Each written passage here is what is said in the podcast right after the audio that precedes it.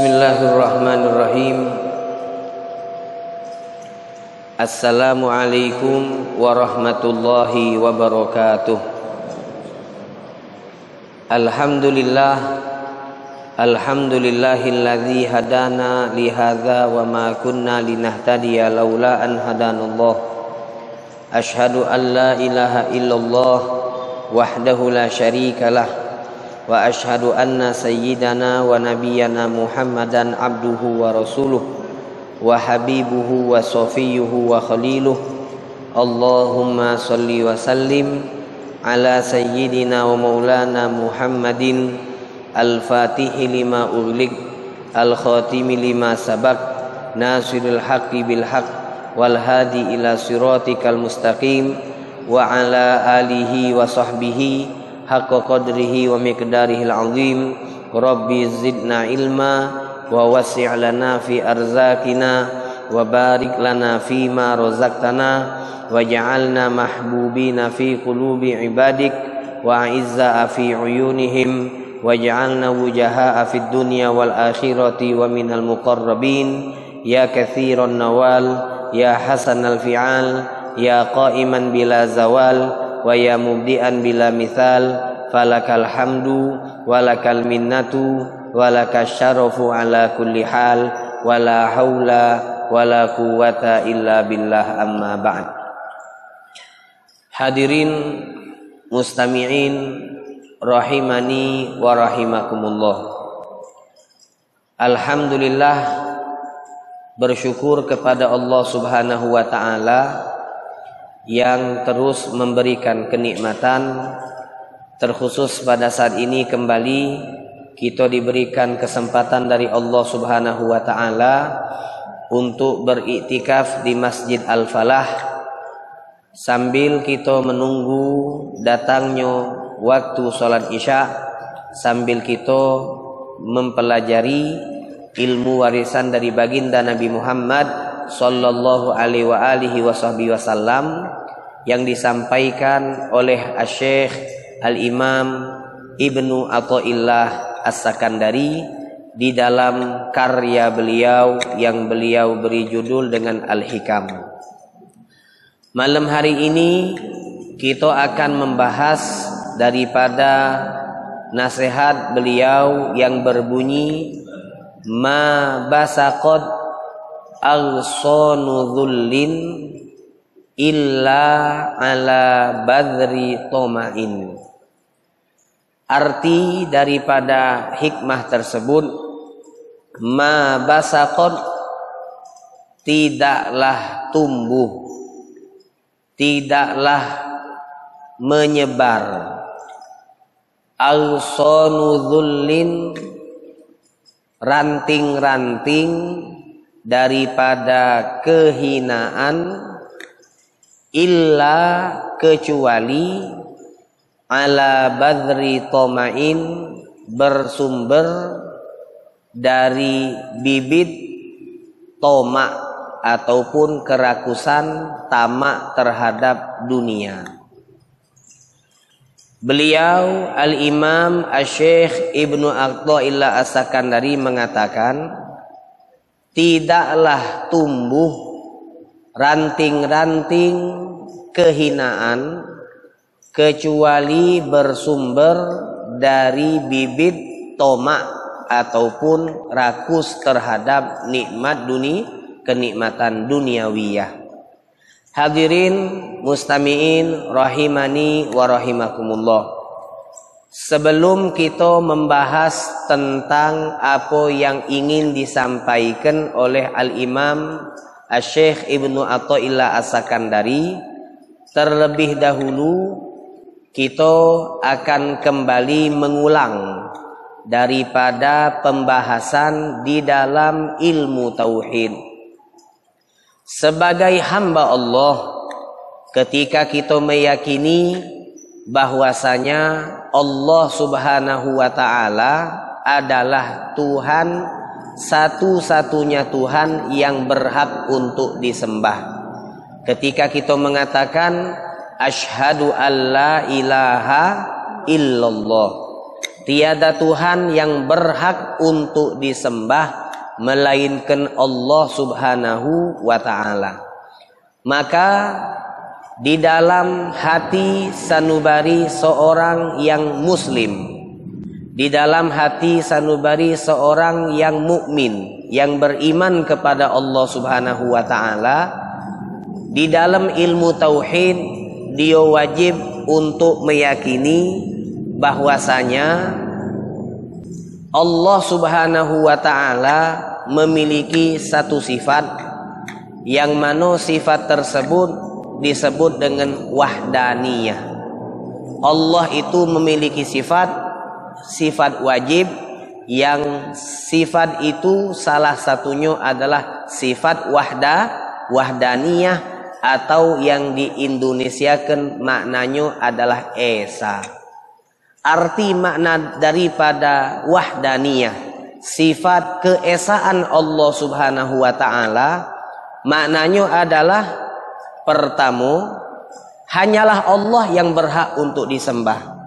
Yang kedua, di alam dunia dan alam akhirat yang memberikan manfaat hanyalah Allah. Di alam dunia ataupun alam akhirat yang memberikan mudarat adalah Allah. Di alam dunia ataupun di alam akhirat yang memberikan karunia atau dengan bahasa Arab dengan makna atau dengan bahasa mu'ti yang memberikan karunia atau al-mu'ti hakikatnya hanyalah Allah Subhanahu wa taala. Di alam dunia ataupun di alam akhirat satu-satunya yang mampu untuk menghalangi seseorang untuk mendapatkan sebuah karunia, sebuah kenikmatan, sebuah pemberian juga hanyalah Allah Subhanahu wa taala di dalam dunia, di alam dunia ataupun di alam akhirat yang memberikan kemuliaan hanyalah Allah Subhanahu wa taala dan sebaliknya di alam dunia sampai kelak di alam akhirat yang memberikan kehinaan juga hanyalah Allah Subhanahu wa taala. Keyakinan ini tidak boleh lepas dari hati sanubari seorang muslim dan seorang mukmin. Makanya di dalam zikir solat yang setiap hari kita baca, setiap kita selesai solat lima waktu, Nabi Muhammad sallallahu alaihi wasallam mengajarkan kepada kita, Allahumma antas salam wa minkas salam wa ilaika ya'udus salam. Fahayina rabbana bisalam. Allahumma antas salam. Ya Allah engkaulah zat yang maha salam.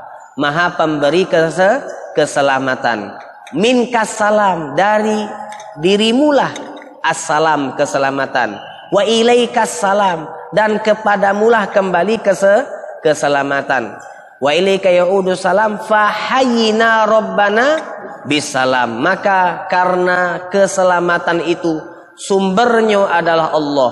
Kembali keselamatan juga kepada Allah, maka kita minta kepada Allah, fahayyina rabbana bis bisalam. Hidupkan kami di dunia ataupun di akhirat dalam keadaan salah selamat. Kemudian Nabi Muhammad wasallam beliau juga mengajarkan Allahumma la mani'a lima ataita ya Allah tidak ada mani' la mani'a tidak ada satupun makhluk yang mampu untuk menahan yang mampu untuk menghalangi lima atoita terhadap sesuatu yang ingin engkau berikan. Ketika Allah berkehendak untuk memberi sesuatu kepada seorang hamba maka dak kati siko pun makhluk yang mampu untuk menghalangi pemberian Allah terhadap hamba tersebut. Pasti dapat. Wala mu'tiya lima mana'ata. Kebalikannya. Dak kati mu'ti seorang satupun makhluk yang mampu untuk memberikan lima lima mana'ata terhadap sesuatu yang engkau halangi hamba tersebut untuk mendapatkan sesuatu sesuatu itu. Artinya, jikalau Allah Subhanahu wa taala tidak berkehendak, tidak mentakdirkan untuk kita mendapatkan sesuatu maka dak kati satupun makhluk yang mampu untuk memberikan sesuatu kepada kita yang mana sesuatu itu tidak ditakdirkan Allah untuk sampai ke ke kita. La mu'tiya lima mana'ata wala radda lima qadaita. Eh dan dak kati yang mampu untuk menahan menolak daripada apa pun yang telah engkau putuskan. Maka hadirin ini akidah kita yang paling dasar. Akidah dasarnya sebagai seorang muslim, akidah dasarnya sebagai seorang mukmin setelah dia mengucapkan asyhadu alla ilaha illallah maka dia bukan hanya menuhankan Allah Subhanahu wa taala tetapi lebih daripada itu dia harus yakin bahwasanya yang memberikan pengaruh di alam dunia ataupun di alam akhirat hanyalah Allah Subhanahu Subhanahu wa taala. Maka karena ini sifatnya dasar, dasar ini kan artinya iman yang masih belum kuat.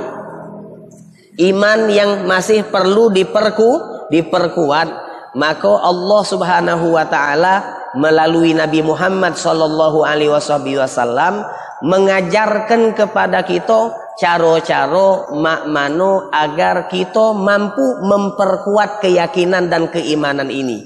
Apa yang perlu diperkuat? Keyakinan bahwa yang memberikan manfaat, mudarat, yang memberikan karunia, yang menahan karunia dan seterusnya dan seterusnya yang tadi kita sudah dengarkan itu hanyalah Allah. Ini keyakinan harus dipertahankan dan harus diperkuat.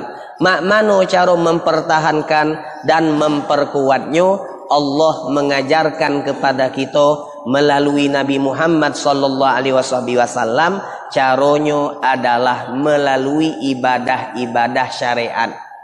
Yang namanya akidah itu keyakinan yang ada di dalam hati. Maka yang namanya hati ini dikatakan hati bahasa Arabnya itu kolbun. Kolbu atau kolbi.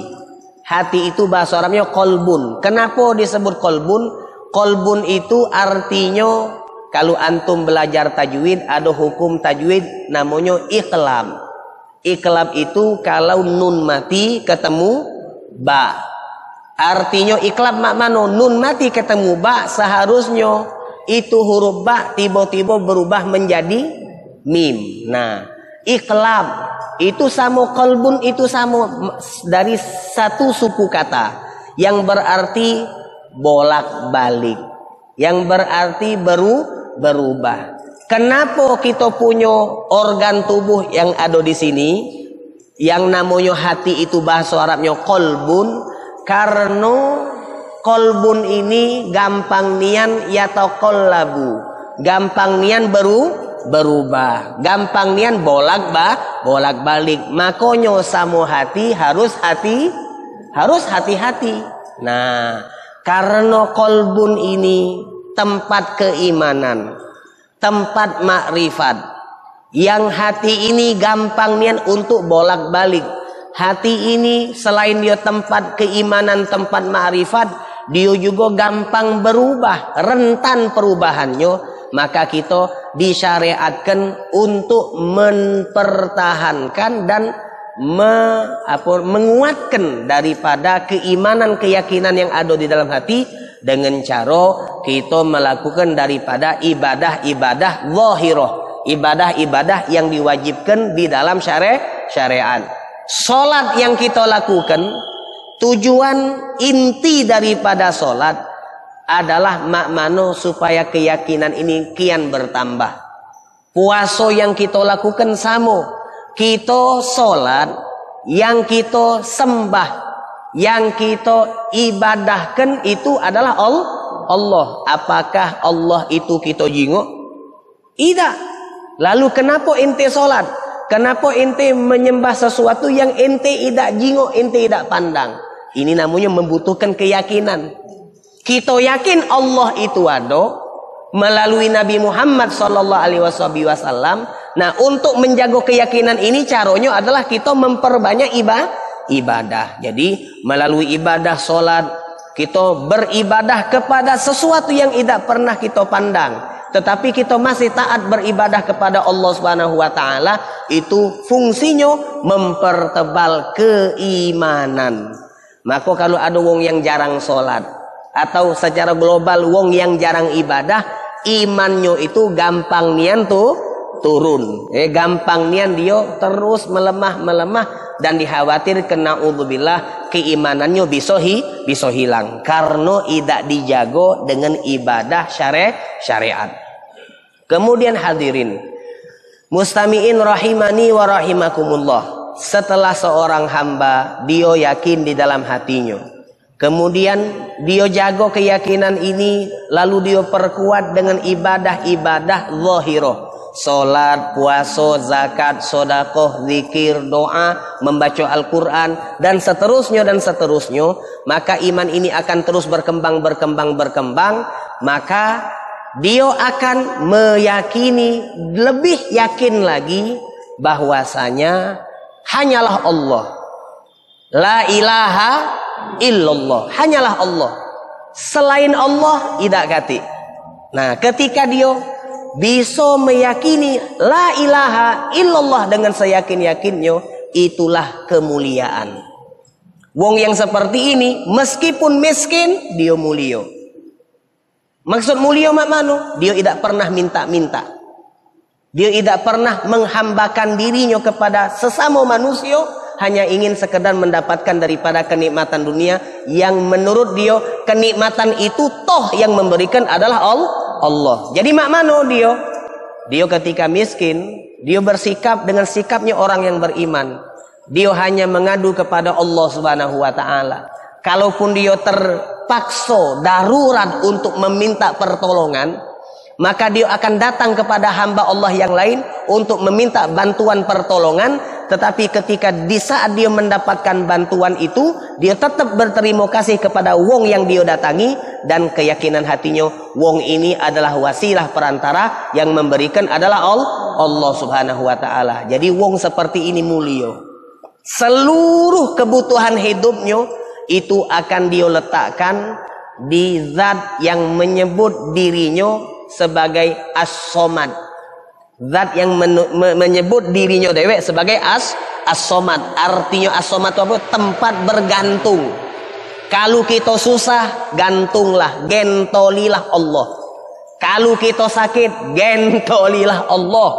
Kalau kita dalam keadaan miskin, gentolilah Allah.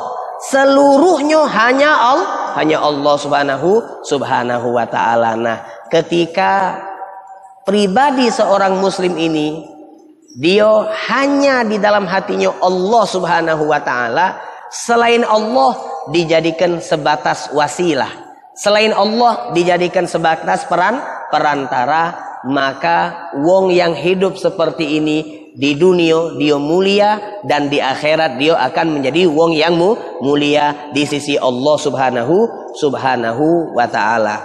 Maka hadirin mustamiin rahimani wa rahimakumullah di dalam hal ini Allah Subhanahu wa taala berfirman di dalam Al-Qur'an. Untuk menanamkan keyakinan ini lebih dalam di dalam hati kita Allah menyatakan iyakunu fuqara yunihimullah min fadlih. Iyakunu fuqara yunihimullah min fadlih. Ini ayat Sebelumnya Allah cerita tentang satu syariat yang dibawa oleh Nabi Muhammad yaitu syariat menikah. Syariat pengan pengantin. Kalau ada wong, kalau wongnya itu lanang. Lanang itu kan berarti bakal calon sua, suami. Ketika dia nak pengantin, pasti akan ada tanda besar di dalam pikiran dan hatinya mampukah aku untuk menghidupi anak dan istrinya aku kalau aku pengantin ini kalau kita statusnya sebagai calon suami kemudian kalau kita datang ke rumah camer yaitu calon mertu mertua tentu yang ada di pikiran mertua itu pas kita datang. Ngapo kau nak datang Nina? Ini bukan minta maaf. Aku datang nih dewek duluan belum ngajak wong tua. Nah ngapo kata si calon mertua ini kan anani tertarik ado sir samu samu anaknya bapak. Anak bapak yang mana? Yang lanang itu apa? Bukan. Yang betino pak. Yang anak bungsu. Anak bung bungsu. Bungsu ni ragil eh. Ragil nggih. Ya, ragil bontot. Eh anak bontot yang paling bungsu. Masya Allah. Akhirnya kan mau kasih, mau kasih kage kata wong tuanya tadi, Ana belum pacaknya sekarang, Ana nak ngobrol-ngobrol dulu sama keluarga. Pas ngobrol sama keluarga, tentu yang akan menjadi pertanyaan besar di pikiran keluarga, mampu tak fulan ini untuk menghidupi anaknya kita ini. Nah ini kan pertanyaan yang lumrah, manusiawi. Kalau bujang nak pengantin, dia manusiawi berpikir mampu dah anak pengantin ngidupi. Kalau pengantinnya mampu galo ngidupi anak bini. Lumrah bagi wong tua, bagi mertua calon mertua ketika dia sudah membesarkan anak ngopeni di hidup inyo di sekolah kenyo urusan makannya dicukupi dan seterusnya. Tiba-tiba ada yang nak ngendainya tentu dia akan berpikir dia ni pacar tak nganti ke aku? Selama ni aku ngidup inyo ketika dia pengantin sama anak aku dia pacar tak nganti ke aku untuk ngidupi anaknya anaknya aku manusiawi. Betul tidak masalah pertanyaan itu. Nah Allah menjawab. Allah menjawab dengan jawaban yang sangat sederhana kenapa disebut sederhana? Karena ini dasarnya tauhid. Dasar keimanan kita. Allah mengatakan iyakunu fuqara. Jikalau yang pengantin-pengantin itu bujang-bujang yang fukoro bujang-bujang yang teayak du teayak duit. Dak kate du dak kate duit. Fakir. Yunihimullah min fadlih. Maka Allah akan memberikan kekayaan min fadlih daripada karunia karunia Allah subhanahu subhanahu wa taala. Nah ini hakikat. Ini hakikat. Kalau ada bujang nak pengantin dia ragu masalah rezeki wajar. Cuma Allah memantapkan hatinya dia. Kalau inti pengantin dan niat inti untuk terhindar dari perbuatan zina, niat inti untuk menghidupkan syariat Nabi Muhammad sallallahu alaihi wasallam, maka karena inti menjalankan syariat Allah bantu dengan kekayaan-kekayaan yang dengan kekayaan tersebut engkau bisa menjalankan daripada bahtera rumah tang rumah tangga. Ini keyakinan. Nah, keyakinan ini tentunya bagi wong yang punya pikiran atau cara berpikirnya selalu logika logika logika ayat ini dengan logika memang tidak masuk. Mak mano penganten dengan wong yang fakir Tiba-tiba wong fakir ini jadi kayo. Logika tidak mah, tidak masuk. Cuma kalau logika keyakinan, logika di versus keya, keyakinan, logika melawan keyakinan, maka sebagai seorang yang beriman, kita harus mampu mengalahkan logika kita demi keyakinan kita kepada Allah Subhanahu Subhanahu wa taala. Allah yang mengatakan demikian.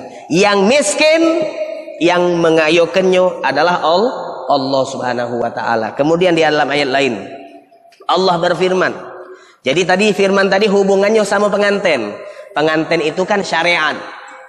Tadi kan anak ngomong, Allah mengajarkan kepada kita melalui Nabi Muhammad supaya keyakinan tentang keesaan Allah.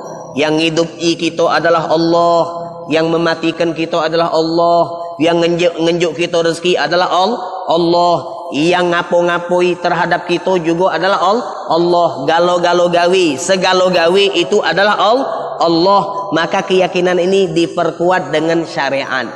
Salah satu syariat adalah pengan pengantin. Jadi dengan pengantin dengan menikah itu salah satu jalan untuk dibukakan pintu-pintu rezekinya. Nah kalau wong tua lama kita dulu simple cara berpikirnya setiap wong membawa rezeki masing-masing. Ana waktu belum penganten yang dibawa rezekinya ana dewe. Misal Allah menitipkan rezeki untuk ana dewe sebulan cuma 100 ribu. Sebaliknya mah itu juga istri perempuan yang belum menikah dia punya rezeki dewe. Betul tak? Kan punya rezeki masing-masing. Sebelum lahir sudah dicatat rezeki. Betino tadi yang belum pengantin sama kita, rezekinya sebulan itu ditetapkan oleh Allah 100 ribu. Maka ketika bergabung jadi dua, 200 selesai. Ini kata wong tua. Makin banyak anak, makin banyak rezeki. Betul, logika wong tua. Kenapa? Setiap bayi yang lahir, dia mawa rezeki. Dia ditetapkan oleh Allah sebulan sekali dapat 100 ribu. Maka berkembang terus. Dari 200 jadi 300. Anak siko. Dapat anak dua. Anak dua ini rezekinya. Tak tahunya Allah titipkan lebih besar. 500 ribu. Nah. Dari 300 langsung. Wus, wus, wus. Eh, eh, bulan September. Eh, bulan September. Wus, wus, wus. Eh, naik menjadi 800 ribu. Makanya ada sebutan galak Alhamdulillah Ana meraso rezeki anak ini dibukakan oleh Allah pas ana dapat anak fulan bin fulan. Karena ada kalau wong tua kalau ngomong itu. Ana ni mengaso pas anak kedua ini rezeki ana lebih dibesarkan oleh Allah Subhanahu wa taala. Bukannya gara-gara apa namanya usaha bukan. Ini murni karunia Allah. Allah. Ini cara logika wong tua. Makanya kata Nabi Muhammad sallallahu alaihi wasallam, "Alaikum bil biimanil ajais." Apa maknanya? Kamu kalau nak beriman maka peloi caro berimannya wong tua. Wong tua tu imannya mantep-mantep. Kenapa? Karena banyak makan uya. Eh banyak makan uya. Banyak pengalamannya. Dia lebih ngerti. Pengalaman-pengalaman maka imannya lebih mantep apa berintangan sudah dirasakan apa be kesenangan pernah dirasakan. Jadi apa namanya dia lebih mampu hatinya untuk menghadapi musibah dan untuk menyikapi daripada kenikma kenikmatan. Ini firman Allah Subhanahu wa taala. Kemudian Allah di dalam ayat lain menyatakan man amila solihan min dzakarin au untha wa huwa mu'minun falanuhyiyannahu hayatan Toyibah. Ayat yang sering disampaikan oleh para penceramah. Man amila solihan. Barang siapa yang beramal soleh. Min zakarin daripada lelaki. Au unta ataupun perempuan. Wahwa mu'minun. Dan dia beramal soleh harus ada dasarnya kei, keimanan. Artinya kalau ada yang beramal kebaikan tetapi dia tidak beriman, maka kebaikannya tidak pacak disebut kesolehan. Jadi hati-hati sama wong liberal. Hati-hati sama wong liberal. Liberal ini ngomong gilo. Wong liberal ngomongnya gilo. Dia ngomong di dunia ini, oh, katanya ustad-ustad liberal, ustad-ustad uget-uget, ustad-ustad uget, uget-uget. Dia ngomong di dunia ini, jangankan di dunia, di akhirat pun sama yang bisa masuk surga tu wong baik. Yang bisa masuk surga tu wong wong baik ngaco. Yang bisa masuk surga wong baik tu ngaco. Ida. Yang bisa masuk surga adalah hanyalah mereka yang beramal soleh. Kebaikan beda dengan kesolehan. Kebaikan bisa dilakukan bahkan oleh wong yang bukan Islam. Wong yang bukan Islam dia ngenjuk kita duit, baik tak? Baik tapi tidak soleh. Baik tapi tidak so, tidak soleh. Makanya dalam ayat ini man amila Allah tidak mengatakan khairon tetapi Allah menyatakan solihan. Siapa yang beramal soleh bukan khairon. Khairon itu baik. Siapa yang berbuat baik? Tidak, Allah tidak ngomong itu. Yang Allah nyatakan man amila solihan. Min zakarin au untha, dionyo yang berbuat soleh tadi, lelaki ataupun perempuan, dengan syarat perbuatan baik bisa disebut sebuah, sebagai perbuatan soleh adalah di saat wahwa mukminun di saat dirinya beri beriman. Nah, apa imbalannya? Falanuhyiyannahu hayatan thayyibah. Maka kata Allah, sungguh kami Allah Subhanahu wa taala akan menghidupkan dia. Akan menghidupkan menghidupkan dia. Nah, ini pertanyaan. Bukankah wong yang bisa beramal tuh wong hidup? kan? Kok Allah ngomong falanuhyiyannahu? Kok di Allah ngomong kami akan menghidupkan dia? Bukankah dia sudah hidup? Kalau dia hidup kan baru baca ba beramal soleh. Kalau dia mati mana baca beramal? Oh ternyata hidup ini ada dua. Ada hidup yang betul-betul hidup. Ada hidup tapi dia mati. Nah, siapa yang hidup betul-betul hidup? Hidup yang betul-betul hidup adalah hidup yang mampu untuk menebar manfaat kepada sesama. Karena soleh dikatakan oleh ulama, diterjemahkan oleh ulama, soleh itu adalah mereka yang mampu bermanfaat untuk wong sekitar, sehingga manfaatnya sifatnya dunia, dunia dan dia bisa mendatangkan manfaat untuknya untuk kehidupan akhir akhirat. Itu namanya soleh. Kalau baiknya di dunia baik, akhirat tidak belum soleh. Kalau akhirat baik baik, tapi dunianya tidak belum belum soleh. Soleh itu adalah yang bisa menebar manfaat dan dia beriman catatannya. Kalau tidak beriman mana baca? Dia beriman di dunia dia manfaat, di akhirat dia juga mendapatkan manfaat. Manfaat makanya hidup yang benar-benar hidup itulah milik mereka yang beramal soleh dan dionya beri beriman. Apa kata Allah? Falanuhiyannahu maka kami akan menghidupkan dia hayatan toyibah dengan kehidupan yang toyibah. Dengan kehidupan yang super. Eh? Kehidupan yang su yang super. Katanya Mario te Mario Teguh. Eh, Mario Teguh. Katanya super kali. Eh, tidak Super itu ketika dia beramal soleh dan dia beriman kepada Allah kepada Allah Subhanahu Wa Taala. Nah dua ayat B kita jangan bahas terlalu panjang. Dari dua ayat ini itu bisa kita simpulkan inilah yang diinginkan oleh Allah terhadap kita. Apa dia keinginan Allah? Allah mewujudkan kita di dunia satu untuk kita mengimani hanyalah Allah yang berhak untuk kita sembah dan hanyalah Allah yang mampu untuk untuk untuk untuk yang sudah kita dengarkan tadi. Hanyalah Allah.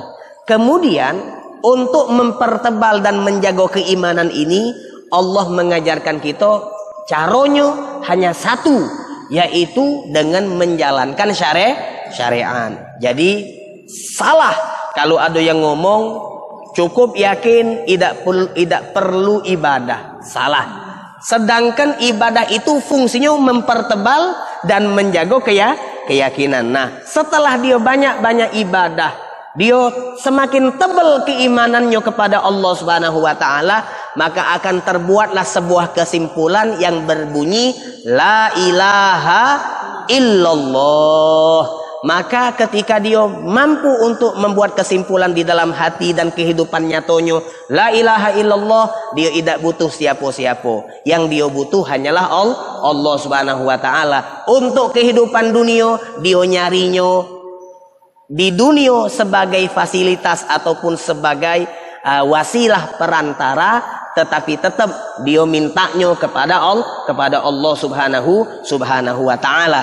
Untuk kenikmatan akhirat lebih lagi dia melakukan ikhtiar ibadah kepada Allah. Itu wasilahnya baik. Tetap kenikmatan di akhirat miliknya Allah miliknya Allah Subhanahu wa taala.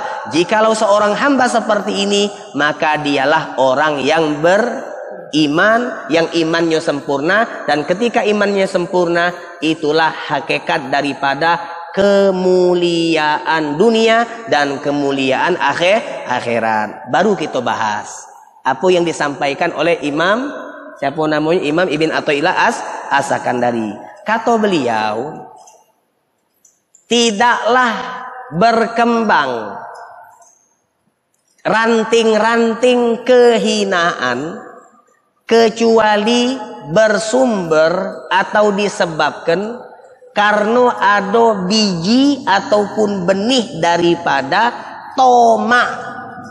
Toma itu sudah menjadi bahasa kita yang artinya tamak. Tamak itu artinya rakus. Rakus itu artinya dia tidak pu, tidak puas. Maksudnya mak mano. Ini beda 180 derajat dari apa yang kita bahas tadi. Setiap wong yang hidup di dunia secara keyakinan dia sudah punya bagian rezeki masing-masing. Kita bahas kok contoh be. Dia punya bagian rezeki masing-masing. Ketika dia mendapatkan apa yang diberikan dari Allah Subhanahu wa taala, jikalau dia tidak katik keimanan, atau dia ada iman tetapi imannya belum tebel iman imannya belum ku belum kuat. Gara-gara apa? Mak mano nak kuat solat lagi tak pernah. Atau solatnya belum so belum solat. Dia solat tapi belum belum solat. Maksudnya belum solat yang sudah kita bahas kemarin-kemarin itu. Solat yang betul-betul solat solat lohir sama solat ba batin bukan sekedar lohirnya solat tetapi batinnya juga solat Bukan sekedar batinnya sholat tetapi zohirnya juga so, sholat. Nah, dia belum sholat nian. Atau dia sholat tetapi belum belum sholat. Mengakibatkan dia terjangkit penyakit. Apa dia penyakitnya? Bukan lemah syahwat. Tetapi lemah iman. Lebih repot daripada lemah syahwat. Imannya le, lemah. Nah ketika imannya lemah. Di saat dia mendapatkan sesuatu dari Allah.